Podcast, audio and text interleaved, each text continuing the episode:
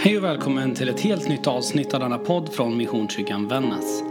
Vi hoppas att den här undervisningen ska hjälpa dig att ta nästa steg i din trosresa.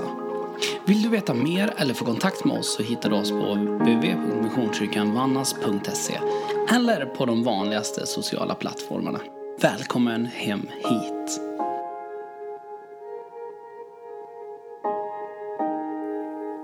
Tänk på döden, står det ibland vid entrén till kyrkogårdar. Och jag hade hört om en gravplats i Göteborg som hade just den texten i en portal ovanför ingången. Och att man plötsligt upptäckte en ny skylt som hade satts upp på den andra sidan, den andra grinden, med orden Tänk på livet. Och när jag undersökte det här lite närmare för att se om det faktiskt var så eller om det var en skröna så hittade jag en artikel i Göteborgs-Posten och där en präst menade att det inte var ett så konstigt initiativ. För det hade ju faktiskt hänt. Eh, och hans upplevelse var att vi hade svårt att tala om döden. Men så betonade han samtidigt att de här olika skyltarna var inte så olika ändå. Att det egentligen var samma sak att tänka på döden som att tänka på livet. Döden är en del av livet och det är inget som går att skjuta ifrån sig. Döden gör livet tydligt och varje dag är på det sättet en gåva, säger han i den där artikeln. Jag tänker ofta på döden och i perioder så har det varit oftare än vad jag faktiskt har tänkt på livet. Jag har liksom alltid burit med mig döden, jag har fascinerats av den och nästan som att jag har försökt förbereda mig.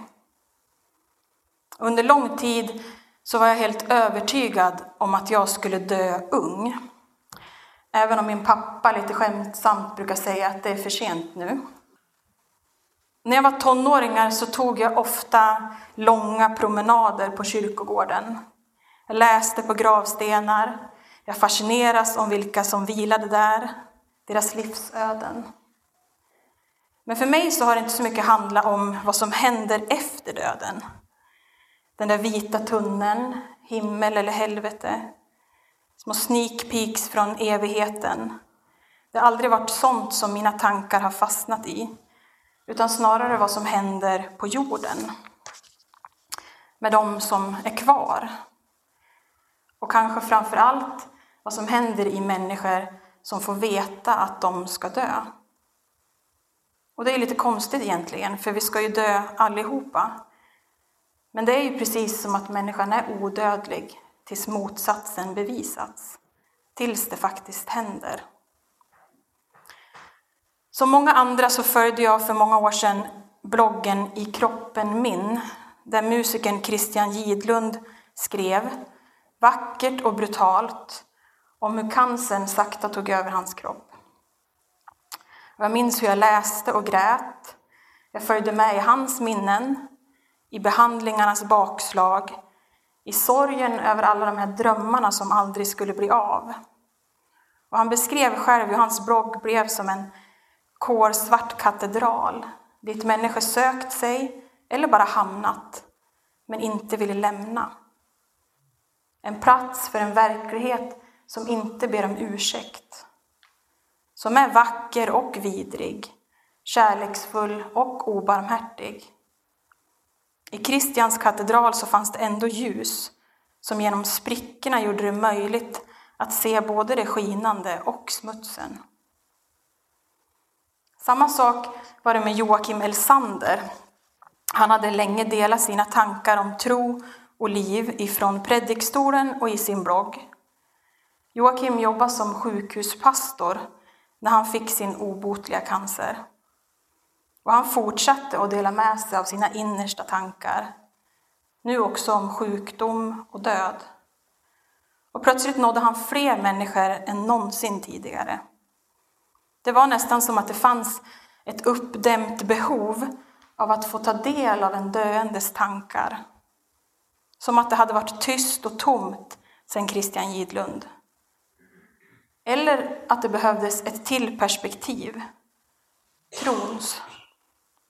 En kristen röst som inte bara trosvisst basunerade ut att vårt hemland är himlen, utan Joakim skrev om smärta blandat med tacksamhet.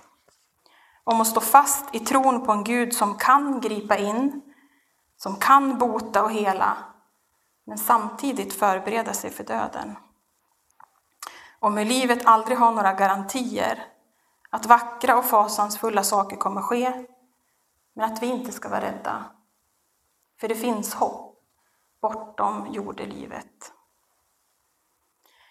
Joakim skrev också om hur en cancerdiagnos ger möjlighet att möta sin egen dödlighet.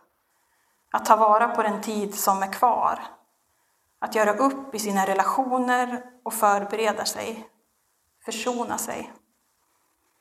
Någon som motvilligt fick göra det var min moster Jonna. Hon ville verkligen inte dö. Och jag tyckte att det var extremt orättvist. Och hade det gått så hade jag velat byta plats med henne. Jonna har alltid haft ett extremt kontrollbehov. Hon har styrt och ställt med järnhand. Ingen har någonsin satt sig på henne, förutom döden. På sitt eget lilla vis, även om hon aldrig visade sig svag, så lyckades hon till slut, mitt i all smärta och besvikelse, ta tillvara på det liv som var kvar, förbereda sig och försonas. Hon skapar nya minnen med sina närmaste och var mer tacksam och kärleksfull än hon varit tidigare. Christian, Joakim och Jonna. Tre människor som inte bara har det gemensamt att de har bott i Bålänge, att de har haft obotlig cancer i magen och som faktiskt också har svaret på vad som händer där på andra sidan, efter döden. Utan det är också tre människor som har gett mig nya perspektiv, som har lärt mig vad det innebär att leva. Att livet faktiskt är en gåva. Jag ska läsa episteltexten från Uppenbarelseboken 22, vers 1-5. Och han visade mig en flod med livets vatten, klar som kristall, som rann från Guds och Lammets tron. Mitt på den stora gatan, med floden på ömse sidor, stod livets träd, som bär frukt tolv gånger om året och ger sin skörd varje månad. Och trädets blad är läkemedel för folken. Och ingen förbannelse ska finnas mer, Guds och Lammets tron ska stå i staden och hans tjänare ska tjäna honom. De ska se hans ansikte och de ska bära hans namn på sin panna. Och det ska inte bli, mer bli natt och ingen behöver längre ljus från någon lampa eller solen. Ty Herren Gud ska lysa över dem och de ska vara kungar i evigheters evighet. Det här är från Johannes uppenbarelse. Det sista kapitlet i Bibelns sista bok. Det är till och med de sista fem verserna innan stycket som i min bibel har rubriken avslutning. Det här är precis en sån här text som jag ofta viftat bort, som har gjort att jag vill fokusera på den här världen och inte på evigheten eller himlen. Jag har genom åren försökt ta till mig det Johannes skriver, försökt projicera bilden, men i slutändan ofta avfärdat hela uppenbarelseboken som obegriplig och lite trotsigt tänkt att är det där himlen, då vill jag inte vara med. Min himmel ska ju vara en tallskog och inte gator av guld. Men så under mina förberedelser så såg jag hur Johannes gång på gång skriver det liknade eller det såg ut som. Och så insåg jag att det är ett bildspråk Johannes använder. Han tar något bekant. Han använder ett symbolspråk som han behärskar för att beskriva det där som han aldrig tidigare hade sett. Det gudomliga, det heliga, det oförklarliga och näst intill obeskrivbara. Vilket inte är konstigare än när vi försöker förklara något som verkar helt otänkbart. Att det i framtiden varken skulle behövas sladd eller uttag i väggen för att ringa eller att alla skulle gå runt med en liten dator i jeansfickan. Eller att alla våra pengar skulle finnas på ett litet, litet plastkort som du knappt behöver ha med dig för att kunna använda. Det är ofattbart. Men oberoende av på vilket sätt Johannes bildspråk påverkar oss så märker vi ju att det gör det. Eller att det har gjort det genom tiderna. För hur beskriver vi himlen? Hur talar vi om den? Hur sjunger vi om den? Är det någonting där uppe? En stad med gator av guld och ädelstenar. Högt ovan jordiska dimhöljda länder. Gyllene salar, vitklädda skaror. En pärleport, änglar och basuner. Ja, till viss del. Och det är varken rätt eller fel, även om ingen av oss kan vara riktigt säker än. Poängen är att det kanske inte nödvändigtvis ser ut som Johannes beskriver, utan att det är en känsla han förmedlar. Han försöker berätta det han ser, med goda ord som han förknippar med skönhet och frihet i sin tid. Och för mig var det väldigt befriande att landa där. Att det är ett försök att beskriva en bild som ska kunna hjälpa oss att levandegöra och föreställa oss. Även om jag envist håller fast vid att om Johannes någon gång i sitt liv hade varit i en svensk tallskog en sommardag så hade det mycket troligt varit så vi hade tänkt oss himlen istället. Uppenbarelseboken kan tolkas både som en berättelse om en framtida apokalyps och som en upprorisk text mot dåtidens överhet. Johannes sitter förmodligen fängslad på ön Patmos och han riktar sig till de sju församlingarna som vi vet står inför svåra tider. Människor förföljs för sin tro. Romarriket gör allt som står i deras makt för att utrota de kristna. Och den uppenbarelse som Johannes förmedlar vill ingjuta hopp, ge uppmuntran till sina trossyskon som lider förföljelse. Det är på många sätt en bild av överflöd som präntas in och i dess centrum är Guds och Lammets tron. Men kanske är det precis vad som behövs. För det blir en uppmaning om att hålla fast vid tron, att deras kamp inte är förgäves. Ondskan kommer att besegras. Tack och lov kanske är det ingen av oss som lider förföljelse på grund av vår tro. Våra makthavare ser inte på oss som hot som ska utrotas, utan vi har förmånen att leva i en fredlig del av världen, i frihet. Men jag tänker att Johannes uppmuntran också behövs in i våra liv. För det han skriver om är en vision om Guds upprättade värld. En ny skapelse där det inte finns plats för ondska. Och det där ljuset han beskriver de ska se hans ansikte och de ska bära hans namn på sin panna. Och det ska inte mer bli natt och ingen behöver längre ljus från någon lampa eller solens ljus, ty Herren Gud ska lysa över dem. För mig pekar det på en värld där allt bara badar i sol, helt utan skuggor. Det finns inget att gömma sig i och inte behövs det heller.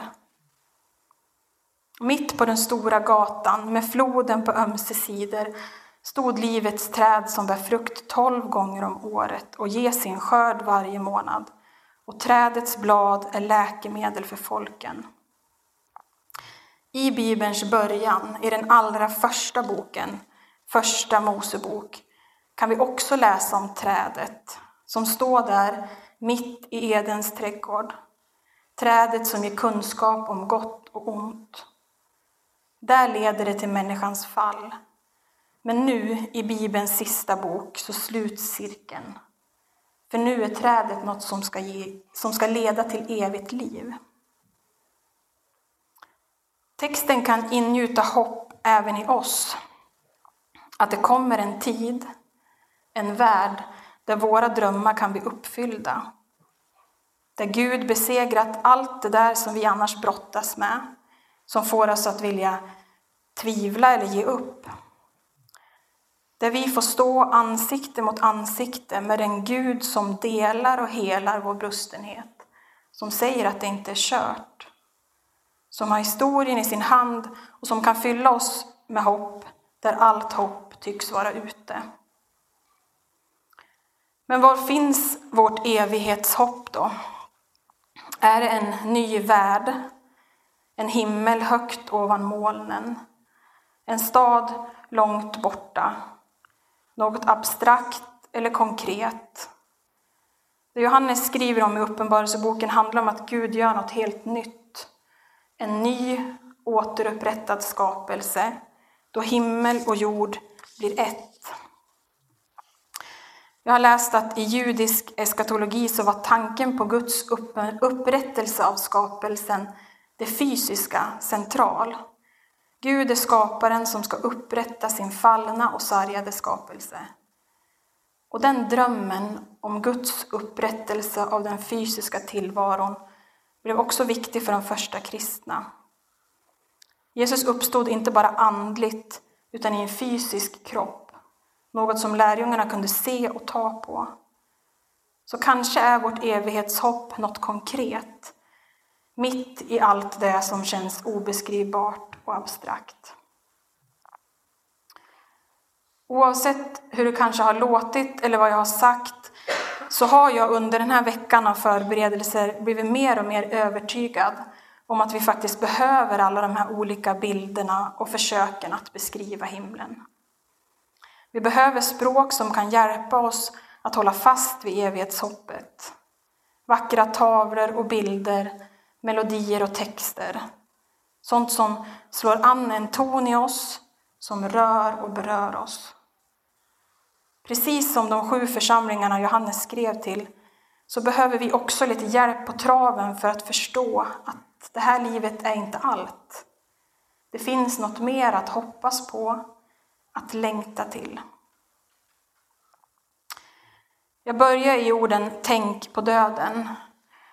Och jag tror att det är nyttigt att tänka på döden och tänka på livet. Men framförallt att våga tala om liv och död. Att våga dela de tankarna med varandra, ta in varandras berättelser och på något vis lära av dem som har gått före. Sådana platser behövs, det är helt uppenbart. Men hur gör vi det då? Hur blir vår kyrka en plats dit människor söker sig eller bara hamnar, men inte vill lämna? Just för att det är en plats där verkligheten inte ber om ursäkt, utan får vara så där vacker och vidrig, kärleksfull och obarmhärtig som den är. Jag tänker att det kan hända först när vi som kristna delar det som är våra liv. Smärta blandat med tacksamhet. När vi både står fasta i tron på en Gud som kan gripa in, bota och hela samtidigt som vi förbereder oss för döden. När vi vågar tala om att livet inte har några garantier, att vackra och fasansfulla saker kommer ske, men att vi inte behöver vara rädda. Och framför allt när vi vågar berätta att det finns hopp bortom jordelivet. För det finns människor omkring oss som inte har det hoppet. Som inte har insett vad Jesus kan erbjuda. Som i det tysta söker efter mening och letar efter hopp. När Jesus talar om himmelriket så är det någonting här och nu. Hans undervisning handlar primärt inte om ett liv bortom döden eller att luta sig mot ett evighetshopp. Utan Jesus talar om upprättelse, rättvisa och frihet i nuet och i framtiden. Den himmel Jesus talar om, den börjar här och nu. Och det är samma sak med evigt liv. Jesus sa, och jag läser från Johannes evangeliet. Och detta är det eviga livet, att de känner dig, den enda sanne guden, och honom som du har sänt, Jesus Kristus. Oavsett vad vi tänker om döden, himlen, vad vi menar när vi talar om vårt evighetshopp, så är ett säkert.